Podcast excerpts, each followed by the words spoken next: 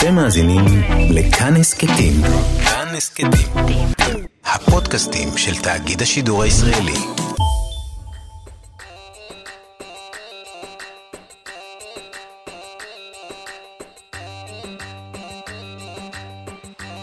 חתוכה וחסן.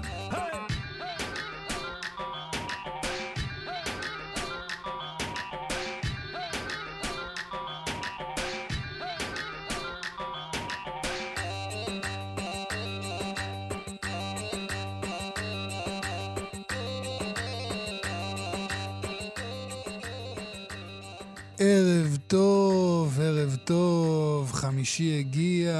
אתם על חתוכה וחסן, כאן תרבות 104.9 או 105.3, והנה התגעגענו שבוע, הרגשנו בחוסר, תודה, והנה, תודה. והנה הוא חזר, הנה הוא חזר אלינו. תודה, מעריך את זה, מעריך נראה את זה. רענן.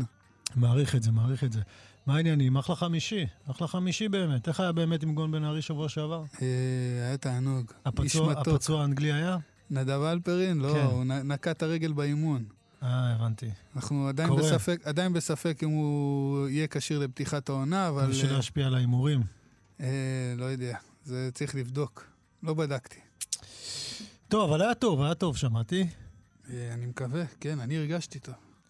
אבל אה. עדיין היית חסר חתוק. תודה, תודה, אחי. כן, אני, אני גם הרגשתי, יום חמישי בלי חתוכה וחסן, בלי לראות אותך, את נדב, לעשות את התוכנית, זה לא, לא, לא מושלם מבחינתי. אה, תשמע, רציתי לדבר איתך על באך. אתה יודע, כי ש... תכף אני אגיע לאיפה זה מתחבר אלינו, כן? אבל קודם כל, באמת, על- אחד על המוזיקה. יוהן- יוהן סבסטיאן, יוהן סבסטיאן באך. כן. הוא נולד ב-31 במרץ 1685. אה, אז אין לו- אין לו יום הולדת, לא בגלל זה אתה רוצה לדבר איתי עליו. לא, לא, אבל זה תאריך פטירתו היה לפני, אוקיי. ב-28 ביולי. אה, ציינו תאריך עגול כזה, מה זה עגול? 270 שנה, אתה יודע, עגול. אה, באך כבר אה, הוא הרבה הרבה זמן נחשב אחד המלחינים הגדולים בעולם, אה, וכמעט כל תאריך עגול מציינים אה, כל מיני קונצרטים. השנה גם היה אמורים להיות, 270 שנה זה נחשב עגול, ולא יצא כי לא היה כל כך, בגלל הקורונה. אמ, אבל תאריך אה, פטירתו 28 ביולי, ו, ותשמע, אתה יודע, יצא לי לשמוע אותו שוב. אה, כאילו, אני מאוד מאוד אוהב אותו. אם, אם אין מלחין קלאסי מהמוזיקה הקלאסית, למרות שצריך להגיד, בעיניי לתקופות שונות במוזיקה הקלאסית, אין... אה, אתה יודע, הקשר הוא, הוא, הוא, הוא מאוד... אה, הוא מאוד, איך אני אגיד? משתנה, זאת אומרת, זה לא אותו מוזיקה כל הזמן, זה, זה שינויים מאוד מאוד גדולים באופן שבו המוזיקה הזאת מבוצעת, או באופן שבו המוזיקה הזאת נכתבת. והברוק למשל, התקופה, אחת האהובות במוזיקה, עליי, אה, אה, קודם כל, אה, היא מאוד סוערת, מאוד דינמית, אה, יש אה, פוגות, יש הרבה קונטרפונקטים, זאת אומרת, יש הרבה סולמות, מודוסים שהם לא- לאו דווקא המז'ור מינור שהתקבעו אחר כך קצת במוזיקה הקלאסית שאנחנו מכירים יותר. כן, אני, אני, אני האמת, אה, באמת, אה, אם כבר, אני יותר אה, אוהב מלחינים יותר מודרניים מבאך. זאת אומרת, הרבה כן. יותר מודרניים. כן, אפשר להגיד, יש, יש את התקופה של... עדיין, הם כן. עדיין נחשבים עתיקים מבחינת הזמנים שלנו, כן, אבל אה, בוא נגיד, אה, כן, הרבה תיקח-. תיקח את דביוסי וראוול, שהם באו בתקופה כמעט הכי מאלר, מאוחרת. מאלר. מאלר, אוקיי, מאלר אה, גם נחשב בערך בתקופה הזאת. הם, הם באמת היו קצת, קצת, גם כן שונים, גם מהתקופה הרומנטית. אה, בכל מקרה, באך הוא, הוא אהוב עליי, הוא באמת, הוא מוזיקאי אהוב עליי, בין השאר לצד קולטריין וקמאון דה לאיסלה, שאני מקשיב להם בלי סוף. ואתה יודע, הסיפור שלו די מדהים, הוא בגיל 10 התייתם. אה, אחיו הגדול גידל אותו, והוא כבר נמשך למוזיקה מגיל אפס, המשפחה שלו מאוד מוזיקאית, אבא שלו, אה, והוא למד לאט לאט לנגן על כלים, ובכל זאת אח שלו אמר לו, תשמע, יש דברים שאתה עדיין, אתה קטן מדי בשבילם. ומסופר שהוא היה גונב אה, בלילה להרחיב את המחברת תווים, וכותב, ו- ומתאמן על תווים, ולומד אותם. תשוקה, מה שנקרא, מגיל מאוד מאוד צעיר, ברורה מאוד. ולאט לאט הוא התקדם, ב, אתה יודע, התקדם ב, בידע שלו, לאט לאט קנה לעצמו מוניטין, קיבל תפקידים. אה, אתה יודע, הרבה פעמים אתה, אתה מקבל שם, תפ... אה, באותה תקופה אתה מקבל תפקיד כ, כמלחין של דוכס, של איזה חצר, לפעמים של איזה כנסייה, וככה הוא התקדם לאט לאט. אה, ובאך היה בן אדם מאוד אקטיבי גם באופן שבו הוא ניסה לנהל את הקריירה שלו, זאת אומרת, הוא כל הזמן חשב על איזה תפקידים יקדמו אותו. אה, ופעם אחת גם כשהוא ניסה לעבור ממקום, אה, אה, מאיזשהו שירות של איזה דוכס, הדוכס לא אהב את זה והכניס אותו חודש לכלא או משהו כזה.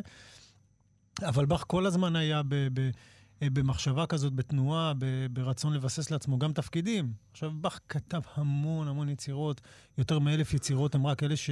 ש בוא נאמר, ידועות לציבור הרחב, ואין ספק שבטח עשרות אם לא מאות אה, יצירות עבדו, וזה היקף די מטורף. זה בכלל מעניין, העניין של השימור והתיעוד של מוזיקה קלאסית. אתה יודע, עוד לפני ימי ההקלטות וכל הדברים האלה.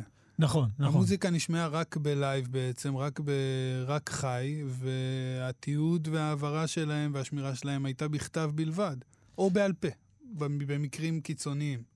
נכון, אה, במקרה של באך באמת מציינים את זה שלבאך היו המון המון ילדים, 17 ילדים, לא כולם שרדו. אבל חלק גדול מהם אה, כן, והם גם התפתחו כמוזיקאים. קארל פיליפ עמנואל באך, אה, מהמוכרים שבהם. הם נוראי, שימרו, הם נוראי ש... להיות הבן של באך ולהיות כן. מוזיקאי. אבל, כן, אבל באותו זה זמן... זה כמו שאני לא, אתה יודע, זה להבדיל, כן? אבל זה כמו הבן של מסי. כן. זה, יש צער עליו. יש, יש צער, צריך להגיד, באותה תקופה באך... את תהילתו דעכה אחרי מותו, והילדים שלו דאגו לשמר אותו. זאת אומרת, הם, לא, הם חסו בצל מישהו, עם מוניטין, אבל באך לא היה עם המוניטין שיש לו היום. שהסתכלו עליו ברטרוספקטיבה. ו... אה, הוא, גם, הוא גם היה כזה מאלה שהתהילה שלהם נבנתה רק שנים אחרי מותו? כן, כן. זאת אומרת, הוא בנה, הוא בנה לעצמו מוניטין, העריכו אותו מאוד, הוא כבר היה מוכר, אבל כשהוא, כשהוא נפטר, לאט לאט התהילה שלו הלכה ודעכה, עד איזשהו קונצ'ר במאה ה-19, שמישהו גילה אותו מחדש, ומאז... מאז בעצם הוא, הוא שוב, הייתה תקופה שלמה, אני חושב אולי קרוב ל-200 שנה, שהוא כמעט uh, נשכח, למרות שהמלחינים הגדולים הכירו בגדולה שלו, גם uh, בטהובן, גם מוצרט, הכירו את החוברות שלו, uh, הפסנתר המושווה וכל התרגילים, הם קלטו שאפילו בתרגילים הפעוטים האלה יש גאונות, היה אנשים, אתה יודע, היו מי שהעריכו אותו, אבל הוא, הוא ללא ספק, התהילה שלו פרצה מחדש באמצע המאה ה-19, אם אני לא טועה. בקיצור, מה שאני בא לספר לך, שבאחד התפקידים המשמעותיים שלו, אה, אתה יודע, הוא, אה, אה, הוא קיבל תפקיד תחת הנסיך לאופולד, כן? ומה שהוא היה צריך לעשות, הוא התמנה למנהל מוזיקלי גם של איזה כמה כנסיות. עכשיו, למה אני אספר לך את זה? חלק מהתפקיד שלו היה לכתוב קנטטה כל שבוע. שזה, רגע, בוא, בוא, בוא נסביר רגע למאזינים שלו. קנטטה זה יצירה, שלו. זה יצירה מוזיקלית, קאמרית, לנגנים ולסולנים. אנחנו תכף נשמע את הקנטטות האלה. תשמע, יש, יש, יש מאות קנטטות שהוא כתב, והן נפלאות והן מדהימות, והן... אתה יודע, אנחנו, אנחנו, הקנטטה, החלק שאנחנו נשמע, הקנטטה 120, החלק השני שלה, מתחיל בחצוצרות ש, שנשמעות לנו הכי, אתה יודע, הכי מלכותי שיש, טה-טה-טם, טה-טה-טם, טה-טה-טם, וכאילו ישר מכניס אותך, אתה, לא יודע, לאיזה, אפילו לאיזה סוג של פרודיה, אבל תוך שנייה אתה תגלה, את, אתה תשמע את הייחודיות ואת הקסם של, את הקסם של באך, את ה... את ה, כמה הוא נשגב וכמה הוא מענג וכמה הוא, הוא פשוט מדהים. והוא היה צריך לכתוב פעם בשבוע, תשמע, וזה בנוסף לכל העבודות שהוא לקח על עצמו. והוא לפעמים היה צריך להביא סולנים מפה, או כי לא היה סולנים משם, והוא היה צריך לריב לפעמים נגנים, כי הוא לא אהב איך שהם ניגנו. קנטטה כל שבוע יצירה אה, לסולנים ולכלי נגינה, שצריך גם להתאמן עליה, ואז גם להכין אותה. אתה מבין? עכשיו, אנחנו מה בוכים? צריך להכין תוכנית בשבוע אחר, אז אנחנו עוד מתחלקים בה לשעה. אתה יודע, זה, זה מסוג הדברים שאתה אומר, בסוף אתה מגלה על יותר ויותר אה, יצירות או יוצרים גאונים, שהיצירות הכי, הכי גדולות שלהם, נעשו מתוך כוח, חותם, כן. מקור כן. קורח, פרנסתי, כן. אה, אה, אתה יודע, מציאותי של, של החיים עצמם. זאת אומרת, כן. לא מתוך איזה... אה, רומנטיזציה לאומנות גבוהה, כן. ואני הולך ליצור את ה... זאת אומרת, אלא דווקא מהלחם. נכון, נכון. זה היה מאוד מאוד חשוב, צריך להגיד, באותה תקופה, אה, לאט לאט באך, כמו שאמרתי, התקדם והצליח להבטיח לו משרה שתאפשר את ה... את ה אני, אני לא אגיד אפילו נוחות כלכלית, תאפשר לו אה, להשתכר למחייתו ואז גם לכתוב כמו, כמו שהוא רוצה. וחלק מה... דרך אגב, הרבה פעמים גם היו הזמנות של יצירות, כן? הקונצ'רטים הברנדרבורגים של באך הוזמנו, והוא כתב אותם. אה, וגם... אה, יצירות נוספות הוזמנו ונכתבו בעצם, גם, גם, גם הפוגה המפורסמת שהוא כתב אחר כך. זה מדהים איך כן, שדברים התנהלו אז. ביכולות שלו יכול להיות ש... שזה התמריץ. לא, שלכתוב תכתוב אחת לשבוע כזאת יצירה, זה בערך אה, שקול ליכולות שלנו להכין תוכנית לא, אחת לשבוע. תשמע, תשמע. אתה יודע. הוא חרוץ, מה אני בא להגיד לך? הוא חרוץ, ורק רוצה להגיד לך, היו לו 17 ילדים, כן? לא כולם אה, בגרו, אבל תראה, באותו גם- זמן, אתה יודע גם- מה זה להכין סנדוויצ'ים ל-17 אבל ילדים כל שנים- בוקר? כמה שנים הוא אתה עשה... הכנת פעם סנדוויצ'ים ל-17 ילדים? לא, מה אתה מהשאריות אתה מכין אה, לשתי הבנות ככה, אתה יודע, שתי פרוסות, מה הבעיה? מהשאריות, סתם, אני צוחק. הופה. חס ושלום. אבל אה, לא. אפילו לא, זה רק לילדה אחת סנדוויצ'ים. להורי עדיין לא מכניסים- לא מכינים אוקיי. סנדוויצ'ים. מחית, אבל- מחית פירות וכאלה? לא, היא אוכלת הכל, אבל לא שולחים אותה למטפלת עם סנדוויצ'ים. אה, הוצאת אותי, קטעת לי את קו המחשבה, אבל מה שבאתי להגיד, כמה, ש... כמה שנים הוא עשה את זה בעצם אה, באופן שבועי? אה, שנתיים, אם אני לא טועה, אבל שוב, הוא היה מאוד פורה, הוא כל הזמן יצר, הוא כל הזמן יצר, וזה יצירות מאוד מורכבות כמו שנשמע. ו- טוב, אבל מע- מעניין, אתה יודע, זה גם מה שמעניין אותי לגבי תיעוד של הדברים האלה. באתי לשאול אותך איך הוא הרגיש עם זה, או, או, או אם הוא הרגיש שהוא אה, חוזר על עצמו.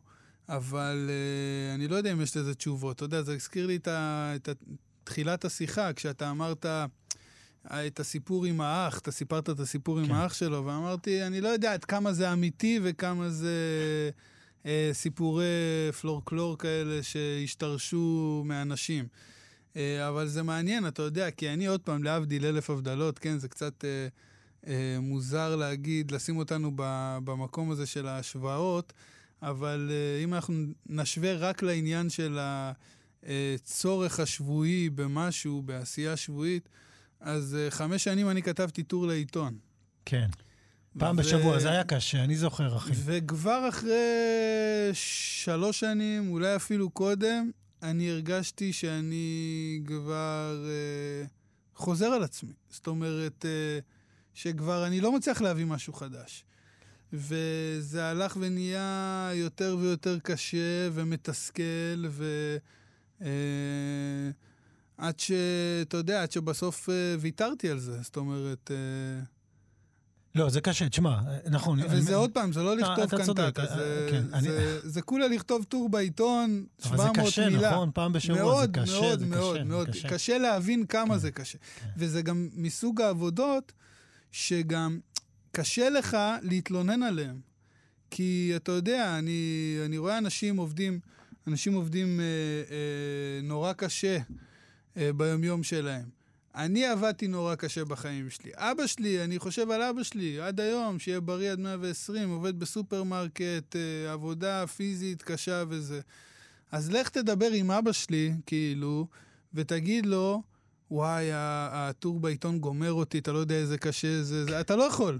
כן. זאת אומרת, זה גם איזשהו קושי שאתה לא יכול לשתף אותו, כי זאת אומרת, זה מרגיש לא, לא בנוח, אתה מבין? לא, כן. לא נעים. אתה אומר כי- באותו זמן, באך לא יכול- באך לא יכול לבוא לאיזה עיקר בבעתי גרמניה, יגיד לו, תשמע, אתה יודע מה, אני צריך לכתוב קנטטה כל שבוע, זה אני, גומר אותי. אני חושב, אני לא יודע, אני יכול רק לדמיין, אתה מבין? אבל אני הייתי בסיטואציה הזאת, שאתה יודע, נגיד, סתם דוגמא, הייתי יושב עם חבר על בירה ביום שישי, והחבר הזה עובד פיזית כל השבוע, ולבוא ולהגיד לו. תשמע, אני נקרע וזה, אני לא יודע מה לעשות, אני נקרע עם הטור הזה, זה משגע אותי.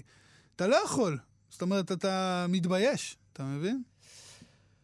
שמע, כן, אה, בכל זאת, אבל אנחנו, אתה יודע, זכינו ליופי, אנחנו תכף נשמע את זה. אני רק רוצה להגיד לך שכשאני חשבתי על זה, אתה יודע, על זה שבאך היה, כי, אתה יודע, היה עושה כל מיני דברים, היה עושה פה את ה...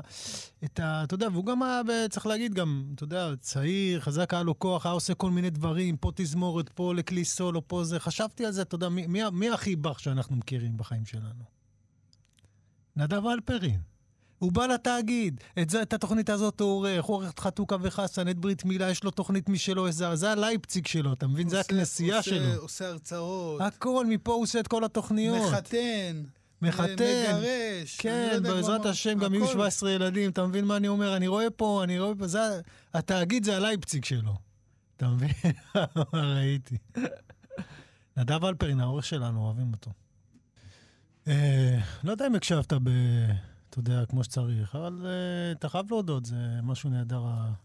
חלק, חלק השני מתוך הקנטטה ה-120 של באך, עד שאלת איך קוראים לזה בגרמנית, אני לא למדתי את השפה, אה, אבל אה, אתה יודע, מסוג, ה, מסוג ה, היוצרים שאתה לפעמים רוצה ללמוד את השפה רק בשביל להבין, אתה יודע, טוב מאוד את, ה, אני, אני דווקא, זה, אני דווקא מאוד אוהב מוזיקה קלאסית, אבל אני מודה שאני צריך את, ה, את הסיטואציה בכדי להקשיב לה, אבל האמת, זו לא מוזיקה היחידה שהיא כזאת. זאת אומרת, גם לג'אז אני צריך אה, להיות באיזושהי... ב state of mind. כן, באיזו אטמוספירה מסוימת. אה, אתה יודע, היו, היו לי תקופות בחיים שהייתי שוכב בבית ככה ושומע אופרות. אה, תקופות שהייתי מאוד אוהב אופרה, והייתי שוכב בבית ככה בספה, שם את הבית על מיזוג וווליום גבוה, ואמירה הייתה נכנסת הביתה, אתה חושבת שאני צריך לשלוח אותי לאשפוז. זה היה... שבוע הבא אופרות. הרגיש כמו התפוז המכני. שבוע הבא אופרות. תשמע, יש כמה אופרות יפות, אבל בדרך כלל, אני, אתה יודע, צריך, צריך לדלג על הרציטטיבים באמצע. טוב, אבל אנחנו, אנחנו נסחפים, רצינו לדבר על משהו אחר מלהקה ללהקה, ואנחנו נדבר על האופרה שבוע הבא. אתה יודע, אה, אתה יודע, שמענו פה איזו להקה ככה מדהימה ברקע, ועל הקומיטמנט, שמעת? כן, בטח, סרט אהוב מאוד, מה זה? להקה מעולה, להקה טובה הם הקימו שם, אמנם להקת קאברים. אה, אנחנו מזכירים אותם כמובן את הסרט, ה... אתה יודע, זה סרט כל כך אהוב, זה מדהים לפעמים איך סרטים יכולים לגעת בך ברמה לא, אישית. אתה אפילו לא יכול לדעת, אה, לא יכול להבין כמה, זאת אומרת, ב- בישראל אני יכול להגיד שאני הייתי... אה, אה, עבדתי אז בטאו אה, רקורדס, זיכרונה לברכה. אז אתה יודע, היו, היו, זו הייתה תקופה שדיסקים היו נמכרים, וגם פסקולים היו נמכרים, היום זה, נשמע כמעט דמיוני. והיו כמה פסקולים מאוד אהובים ומאוד נמכרים. Uh, ספרות זולה, כלבי אשמורת, uh, היו כמה יותר קלאסיים כאלה, אתה יודע, של 70's כזה וזה. והקומיטמנס היה אחד הפסקולים הכי נמכרים. אה, בסניף שלנו לפחות. אה, זה היה, אתה יודע, פשוט אהוב. כן. וזה בדרך כלל, מה זה בדרך כלל? ב-99 אחוזים אה, יש קורלציה אה, בין אה, אהבת הסרט לבין אהבת הפסקול. זאת אומרת, בדרך כלל אם אוהבים את הפסקול, זאת אומרת שמאוד אוהבים את הסרט. אז כן, זה סרט נורא אהוב. נורא אהוב, ואנחנו מזכירים אותו גם בגלל שהבמאי שלו, אלן פארקר, נפטר לפני... לא, ש... לא, זה, בעיקר בגלל. כן, בעיקר בגלל, ואתה יודע, קודם כל נזכיר, סר, הוא זכה בסר, הוא זכה בתואר אצולה, כן? נולד ב-14 בפברואר 1944, נפטר ב-31 ביולי 2020. והוא יצר, אתה יודע, הוא יצר גם, גם בארצות הברית וגם... אקספרס של חצות. אקספרס של חצות, וגם את ביר, בירדי, בירדי, או ברדי, אם אני, אולי אני אומר את זה לא נכון. אה, ליבו של אינג'ל, המהפנט, שאנחנו נדבר עליו תכף. אה, בגסי מלון, סרט שזכה לאהדה מאוד מאוד עצומה ככל עם השנים. זה היה הסרט הראשון שלו, לא? כן. הסרט הקולנוע הראשון שלו, הוא עשה גם את ויטה, אה, מיסיסיפי בוערת. שמע, זה, זה כאילו סרטים מדהימים. מיסיסיפי בוערת, אתה כן. יודע, איזה קלאסיקה זאת. קלאסיקה. אתה... עכשיו, הוא גם עושה סרטים מאוד אהובים. אתה יודע, זה קלאסיקה ברמה שכאילו, תגיד לאבא שלי מיסיסיפי בוערת, כן. העיניים שלו נפתחות. כן, גדול, כן. באמת, אמיתי. כן, כן, כן. ואתה אה, יודע, קודם כל זה מדהים, זה. שוב, זה, זה מדהים כמה הסרטים שלו היו שונים מבחינת, אה, כאילו מאוד מאוד כן, אקלקטיים. נכון. נושאים שונים לחלוטין. נכון, נכון. ומצד שני הם היו מאוד אהובים. גם כשאתה חושב על מיסיסיפי בוערת, הלב שלך יוצא, אל, אל, אתה יודע, אל ג'ין אקמן וויליאם דפר ששיחקו שם את סוכני ה-FBI, אתה, אתה, אתה מאוהב בסרט, אתה, יש לך רגשות לסרט הזה, זה לא, זה לא תמיד קורה. לא, אבל גם, באמת, כמו שאתה מציין, התנודה הזאת בין ה... מיינסטרים, או הנושא האחיד הזה, שכולם יכולים להתחבר, להתחבר אליו, אה, אבות, ו, ו, זאת אומרת, הורים וילדים וזה, לבין באמת יצירות אוונגרדיות, אה, אה, פילוסופיות. יצירות כן. שהן כאילו, זאת אומרת, היה לו איזה חיכוך בין העולמות, הוא לא פחד, לא פחד לעסוק mm-hmm. בזה ובזה וזה, בדרך כלל אומנים שאני נורא, נורא אוהב, הם לא, הם לא שמים את עצמם באיזה, אה, אתה יודע, באיזה ספוט מסוים ואומרים, זה מה שאני עושה, אלא... כן, כן. כן. ככה, אתה יודע, בסוף לגמרי, ה- היריעה כן? היא הרבה יותר רחבה. בסוף נכון. בסוף, כשהבן אדם הולך לעולמו, ואנחנו רואים את היצירות שלו, אז אתה אומר, בואנה, זה, זה מגניב, הוא לא, הוא לא נשאר במקום. כן. הוא... אפרופו, דיברנו על פרץ יצירה, להיות איש קולנוע זה מאוד קשה. לעשות סרט זה עניין של כמה שנים. אה, זה גם יצירה שבניגוד לכמעט, כמעט, כן, לא זה, אבל כמעט כל אה, יוצר אחר, זו יצירה שאתה לא יכול לקום בוקר אחד ולהגיד, אני היום הולך לצלם סרט. כן. זאת אומרת, כמו שצייר אה, יושב לצייר, או פסל מפסל, או משורר כותב שיר, וכן הלאה. או מוזיקאי שיושב להלחין, לעשות אה, סרט, אתה צריך crew, אתה צריך צוות, אתה צריך כסף, אתה צריך ציוד, אתה צריך... אה, עריכה, הפקה, post production. כן. כאילו, אתה יודע, ברמה כזאת. כן. אם לא יהיה נער מים, זה עלול אה, לקרוס. כן. אבל אה, לא, עכשיו ברצינות, קולנוע זה... ואיך יודעים, איך יודעים שאלן פארקר... תשמע, זה מצחיק. מספיק שהסרטים שלו הם, הם כל כך מוכרים ואהובים. הוא כבר אגדה, אתה יודע, הוא... הוא... הוא היה אגדה עוד בחייו, מה שנקרא. אבל איך יודעים ש... סופית, אתה יודע, או להביא איזשהו חותמת שהוא אה, נכנס לדברי הימים של הקולנוע? קוונטין טרנטינו עשה לו הומאז'. עשה לו מחווה. עשה לו מחווה. המחווה הזאת היא, היא לקוחה מהסרט ליבו של אינג'ל, סרט, אה, אה, סרט, סוג של סרט דרמה אימה, משהו הזוי, סרט נפלא עם רוברט דה נירו בתפקיד משנה. אה, שדי גונב את ההצגה, יש לומר. ומיקי רורק. מיקי רורק בתפקיד הראשי. אה, אנחנו עושים פה ספוילר, אתם יודעים... איזה, אני... איזה שנה הסרט, אתה זוכר? זה מיקי רורק, ב, מיקי רורק בתקופה הנאיבית והיפה שלו? כן, או... כן, כן, כן, 1987. זה כן. בתקופה עוד הסבירה ביותר. והעלילה היא כזאת פחות או יותר, רוברט דה נירו שוכר את אה, מיקי רורק כדי לגלות איפה נעלם איזה בן אדם מסוים. אה, ומיקי רורק אה, הוא בלש פרטי, אה, מי, ש, מי שלא רוצה לשמוע, מי שהוא נגד ספוילרים, חסן אין לו בעיה עם ספוילרים. לא, שכן... גם, גם זה לא תופס. כן. אי אפשר לדבר על סרט מ-78 ולדבר במונחים של ספוילר. כן. מי שלא ראה... בעיה שלכם. מ-87, זהו. 33 שנה, אנשים, ו... כמה נחכה לכם. כל הכבוד. איך, איך? למה, למה 33? אתה היית מורה למתמטיקה, לא? למה 13 ועוד 20? 33. מאיזה שנה הסרט? 1987. אה, אוקיי, חשבתי 78. זה גם מה שאמרתי קודם. בקיצור, הוא סוחר אותו לגלות איפה נעלם הבחור המסוים הזה. ולאט לאט מיקי רורק הולך, אתה יודע, זה, זה פילים נוער, אבל באור יום הרבה פעמים. זה פילים נוער מאוד אה, מחוספס וחושני. הם מגיעים לניו אורלינס, בסופו של דבר הוא... הוא הבן אדם הזה אז אמר מצליח, אתה יודע, שהוא מחפש אחריו, ובסופו של דבר, הוא קולט שזה היה הוא בעצם. שהוא חיפש את עצמו. הוא חיפש את עצמו. ולמה בעצם ההוא ביקש ממנו לחפש את עצמו? כי הוא, הוא השטן, הוא עשה איתו עסקה, תהילה תמורת הנשמה שלו, והוא ברח בסוף העסקה. זה, זה מה שהופך את הסרט לקריפי, אגב, כי דווקא סיפור כזה של אה, אה, מישהו ששולח חוקר פרטי אה, לחקור מי, לחקור ולהגיע לעצמו, זה כבר היה. כן. זה דווקא, אתה יודע, איזה תסריט כזה אה, כבר דוגמטי כזה, אבל... אה, אבל עצם הסיפור, הכניסה הזאת של השטן וזה, זה כן. באמת... כי אומר לו, אתה ברחת, אתה ברחת כשהגיע הזמן לשלם את החוב שלך בעסקה. אפרופו רוברט ג'ונסון, שדיברנו עליו לפני נכון. כמה שבועות. ואז יש את הסצנה שרוברט דה נירו יושב שם על איזה כורסה גדולה ומחזיק את המקל הליכה שלו, או מי יודע אם זה מקל כשפים, לא ראיתי את הסרט הרבה זמן גם. אומר לו, your soul belongs to me. לא, אני חושב שזה בא להראות אה, שזה לתת איזשהו... אלמנט של, אה, אה, אתה יודע, בכל זאת הוא מגלם את השטן שם. אז זה לתת איזשהו אלמנט של משהו שהוא מאוד זקן אה, מצד אחד, ומצד שני, מקל זה, זה מקל סימן, זה משהו, בוא נדבר עליו. לכוח. כן, כן. ל... בוא נדבר על המקל הזה באמת, שרוברט דה נירו משחק בו עם היד בסצנה המאוד מאוד חזקה הזאת.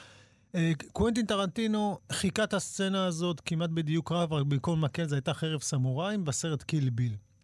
מי שיודע, סרט קיל ביל הוא בעצם אה, סרט שמספר את סיפורה של הכלה, שאומה טורמן משחקת אותה, והיא בורחת יום אחד מהכנופיה שהייתה חלק ממנה, ו- וביל מחליט להתנקם בה ולהרוג אותה. ואנחנו מקצרים רק בשביל להבין את הסצנה הזאת, ו... אבל הוא לא מצליח. הוא לא מצליח, ואז הם שולחים מישהי להרוג אותה. היא נכנסת לקומה הרבה נכון, מאוד שנים. נכון. ואז אה, הוא שולח מישהי פשוט לסיים את המשימה, וברגע האחרון הוא מתקשר ואומר לה, עזבי, אנחנו... אם היא תתעורר, אנחנו נתחשבן איתה. ככה כשהיא שוכבת בבית חולים, זה, זה, איך הוא אומר, it's lower us, זה מוריד אותנו קלאסה. ובאותה סצנה הוא משחק עם המקל והזווית. אה, צילום של טרנטינו היא זהה לחלוטין אה, לאותה סצנה בליבו של אנג'ל, זו מחווה מאוד מאוד ברורה. ו... אה, יש אה, גם בסרט משהו? סטנלי קובריק, כן. לפני זה, תזכור כן. את זה, סטנלי קובריק. כן. אני אגיד לך משהו קטן שבהקשר של קיל ביל, שקצת אה, הכניס אותי לדיכאון. לפני איזה, לא יודע, חודש ככה, הייתי עם אה, אחיינית של אה, אמירה, שהיא בת אה, 18 כזה, ודיברנו כזה קצת קולנוע, עניינים. עכשיו, אני באמת לפעמים, כשאני יוצא לי לדבר עם בני נוער, אני כזה קצת בהלם מדברים שהם לא מכירים, שאני אומר, איך זה יכול להיות? והאחיינית של אמירה, אה, היא הכירה את קיל ביל, אבל מה הכניס אותי לדיכאון? שבשבילה קיל ביל זה קלאסיקה.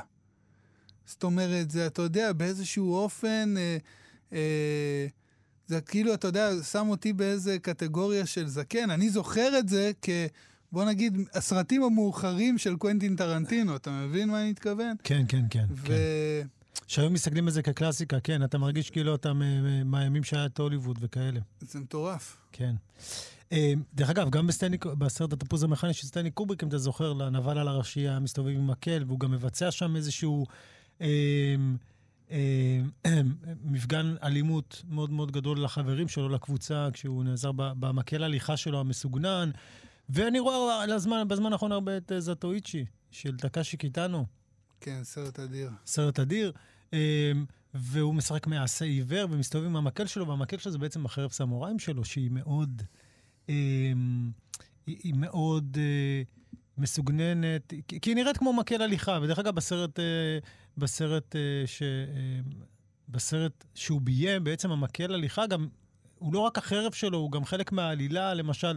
כש, כשהנבל הראשי, כשהוא מגיע ולפני שהוא הוא סוגר איתו חשבון, הוא אומר לו, איך ידעת שזה אני? אז הוא אומר לו, כשהי, כשהייתי במסעדה ואתה כאילו הפלת את, ה, את המקל כדי לבדוק מה זה, אני, אני כבר הבנתי אם יש לי עסק. אתה יודע, היה בזה התפתחות מאוד, מאוד מדהימה. עכשיו, זה מדהים שהמקל, כן, המקל הזה, יש בו איזה, יכול להיות שהוא גם כמובן איזשהו סימן פאלי, אמ, אבל ה- האופן שהוא בו מתרגם הרבה פעמים לכוח ולמסתורין הוא לא מובן מאליו, כי אנחנו לא תמיד מבינים מה הוא, מה הוא מסתיר, מה, מה הוא אמור לסמל או משהו כזה. כן, תראה, אבל ה- המקל, אם תיקח אותו ל... אה, התפקיד ההיסטורי שלו, הוא, הוא מתחיל הרבה לפני הוליווד. אתה יודע, תחשוב על ה... זה היה האמצעי העזר הראשון, שתחשוב על הבן אדם הקדמון. בדיוק. רצית לגעת במשהו. אני לא יודע על האדם הקדמון, כי אני לא מכיר מספיק את הזה, אבל אם אני אקח את המנהיג הכי גדול שהיה אה, לעם ישראל, משה רבנו, אה, אתה יודע, משה רבנו הסתובב עם מקל. כשמשה רבנו היה צריך לדבר, אה, לדבר אל הסלע, הוא היכה בו במקל ולא כן. דיבר אל הסלע. אה, ואתה יודע, יש, אה, יש משהו במשה רבנו בתקופה האחרונה שיוצא לי לחשוב עליו הרבה. כי אה, אנחנו גם עכשיו מרגישים את זה באמת עם כל האווירת הפגנות ושלטון, ומה אנחנו, מה חושבים על זה, והבתי משפט שעוטפים את כל הסיפור הזה. ואני, בלי קשר לתקופה הזאת, כבר הרבה מאוד שנים חי בתחושה שכוח משחית, ובאמת, אה, ותסלחו לי על ההכללה, אבל אה, קח בן אדם, תן לו מפתח לדלת שפותחת, אה, לדלת שנפתחת ויש מאחוריה כוח, הוא, הוא ברוב הסיכויים שהוא יהפוך להיות אה, אדם מושחת. אה, ותיקח לדוגמה את משה רבנו, שהוא היה אולי האדם שהחזיק, אה, אה, עצר בתוכו את הכי הרבה כוח, גם מבחינת הכוח שהיה לו על העם, גם מבחינת החיבור עם אלוהים, גם מבחינת הניסים שהוא עשה, אתה יודע, זה מישהו שקרע את הים. כן. הוציא, הוציא את עמו מהעבדות דרך זה שהוא קרע את, העם, את הים. אה, אה, והוא אולי, אתה יודע, באיזשהו אופן, היחס אליו, למשה רבנו, כשמדברים על משה רבנו, כל הזמן מדברים על הגמגום שלו, מדברים על הרבה אלמנטים חיצוניים, על זה שהוא גדל. אה, גדל בבית מסוים, והסיפור שלו ביאור, שהוא היה תינוק, ואיך התגלגול חייו, אבל, אבל לא מדברים על עניין הכוח אצלו. וזה משהו שאותי מאוד מסקרן, ולדעתי זה אולי האלמנט הכי חשוב בדמות המיתית הזאת. כי משה באיזשהו אופן אה, התורה באה להראות לנו משהו שהוא כמעט לא אנושי במשה. זאת אומרת, תהיו משה על ידי מה? על ידי כך שתדעו לשלוט בכוח שניתן לכם. על ידי זה שכשיש לכם כוח, תדעו שעדיין יש משהו מעליכם, מעל הכוח שלכם. ואני חושב שזו בעצם הדמות, הדבר הכי חשוב בדמות המיתית הזאת של משה רבנו. והלוואי והיו לנו מנהיגים כאלה, אתה יודע, בדורנו. אה, אבל לפחות אה, יש לנו למה לשאוף. כן. זאת אומרת, יש למה להסתכל. בקיצור, אתה אומר, אפשר לחבר את, את המקל עם, עם כוח, בעצם עם כוח בפוטנציה לא לפחות. ש, לא רק שאפשר, אתה רואה שזה אה, מתבקש. זאת אומרת, שבהוליווד לא סתם חיברו את המקל לכוח. זה נשען על משהו, תרתי משמע. כן.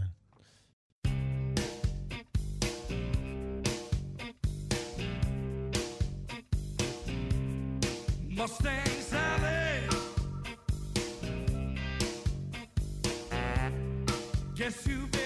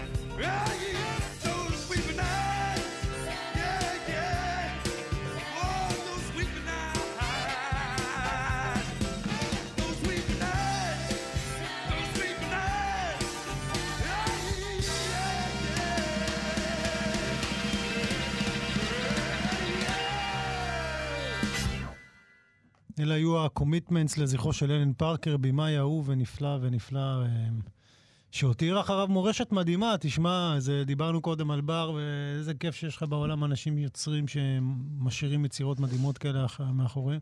אה, ואנחנו יכולים ליהנות מהם עוד, אתה יודע, אה, שוב ושוב. אני רוצה לספר לך סיפור. כן. אתה יודע, אני לא יודע איך אתה, איך אתה, אתה גם לוקח הרבה טרמפים. אני היום הרבה פעמים נוסע ברכב, היו טרמפים, אני אומר, אוטובוסים. פעם גם אני הייתי הכי איש של אוטובוסים, משהו כזה. ומדי פעם היו, בה, אתה יודע, לא יודע איך זה יצא, פעם ב... תופס אותך איזה אברך, או בחור צעיר, לפעמים הייתי עם כיפה, או אתה יודע, או, או כבר לא, אומר לך, בוא, בוא נעשה איזה לימוד תורה או משהו כזה. ו... ופעם אחת, אה, אתה יודע, יצא לי שנסעתי באיזה נסיעה ארוכה, מישהו ביקש לעשות איתי לימוד או משהו כזה, אמרתי לו, לא, אוקיי. זה, זה לא שכיח, זה לא קורה באוטובוסים. פעם זה היה קורה. פעם זה היה קורה. אולי אם יש לך כיפה על הראש, יכול להיות. כנראה. עשינו איזה לימוד ופה ושם, ואז הוא התקיל אותי, והתקיל אותי באיזה משהו, וידעתי לענות לו, וואו, הוא התפלא וזה. אמרתי לו, מה, אני למדתי וזה. אמרתי לו, אני גם לפעמים קורא לבד גמרא עם שטיינזר. שאל אותך שאלה בדיוק על השיעור היחיד שלא הברזת. לא, כן. אה? לא, יש דברים שהם מאוד מהותיים, שכל תלמיד תורה ילמד אותם מתישהו. ואמרתי לו, כן, לפעמים אני לומד גם גמרא לבד עם שטיינזלץ. אז הוא עושה לי... שטיינזלץ, הוא אומר לי, ללמוד גמרא כמו שטיינזלץ, זה, כמו שתגיד שנסעת מעל גרמניה, תגיד הייתי בברלין. זו הייתה קטילה. הייתה קטילה.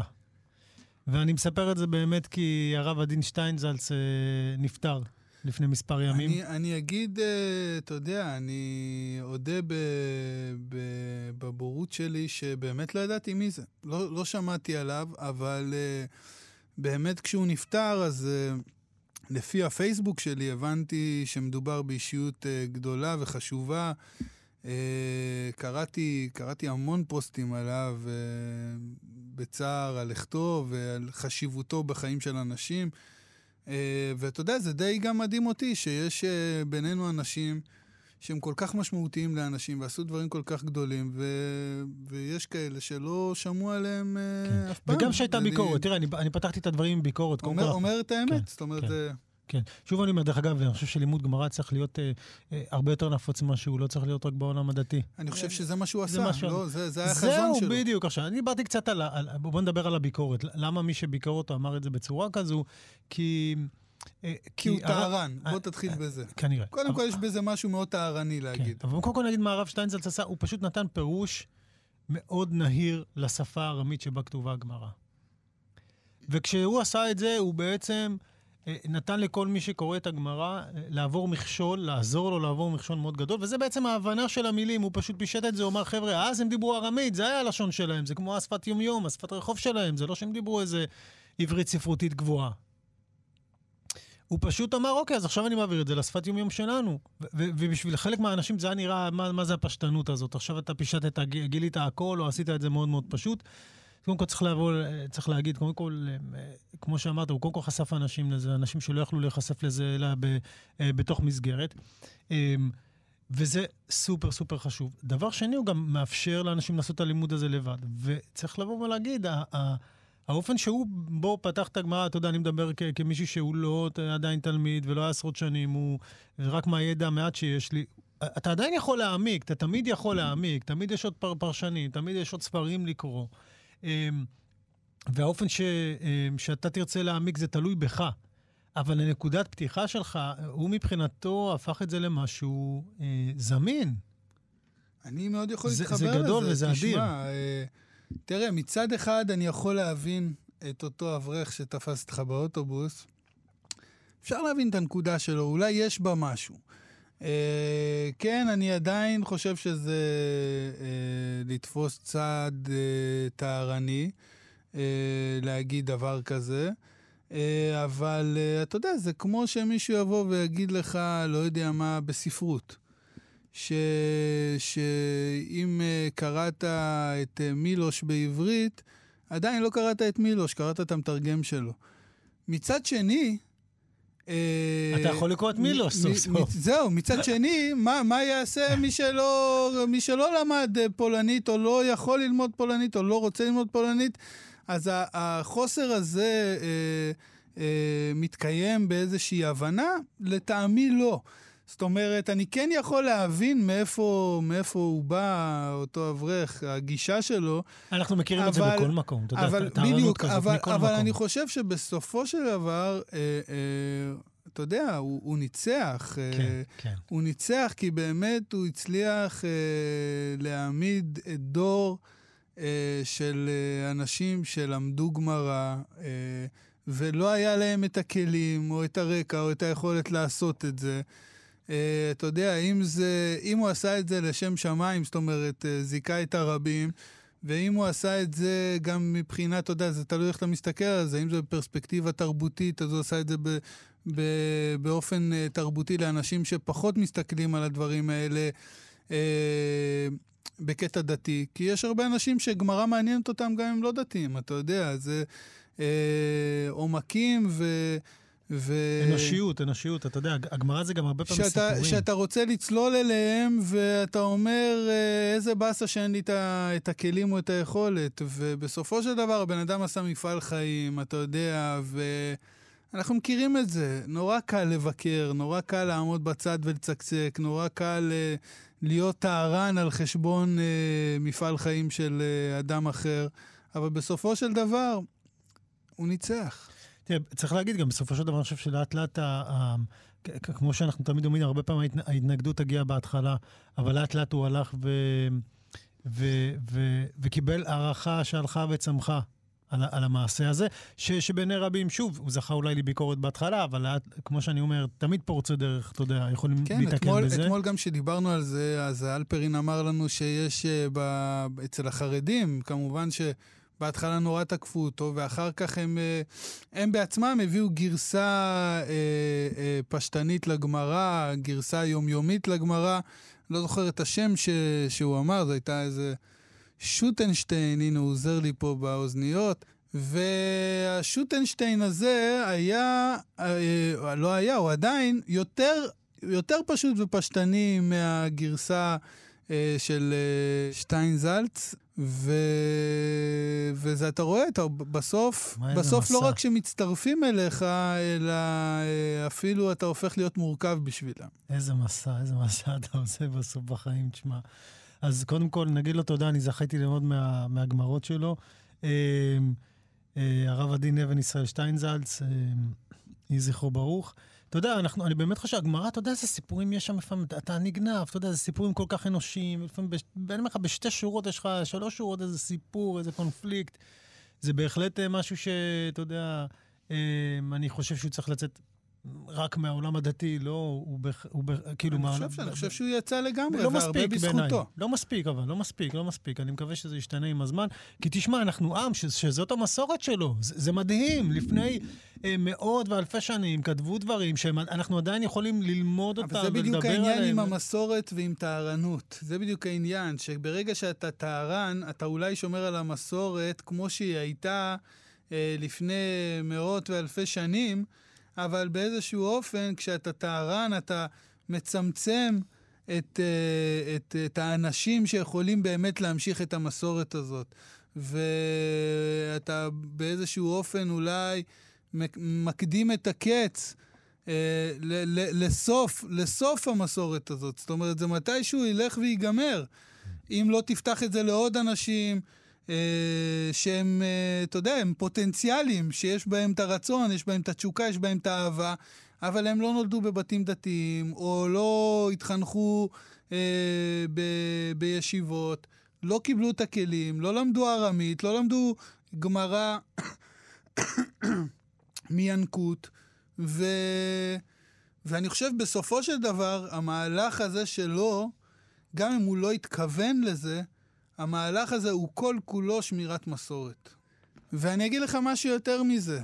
Uh, עכשיו שאני יודע על זה, אז uh, יש מצב טוב שאני אבקש uh, מנדב או ממישהו להשיל את אחד הספרים שלו, ויקח על עצמי להתחיל ללמוד גמרא. אתה יודע, זה משהו שאני באופן אישי, היה לי את החסימה הזאת, שידעתי כמה פעמים בחיי ישבתי מול דפי גמרא, והגעתי למבוי סתום מהר מאוד, ולא הבנתי את השפה, ולא הבנתי מה רוצים ממני יותר מדי. והנה, אולי, אה, אולי, אתה יודע, אני נפתח, גם עשיתי חמש יחידות בגמרא.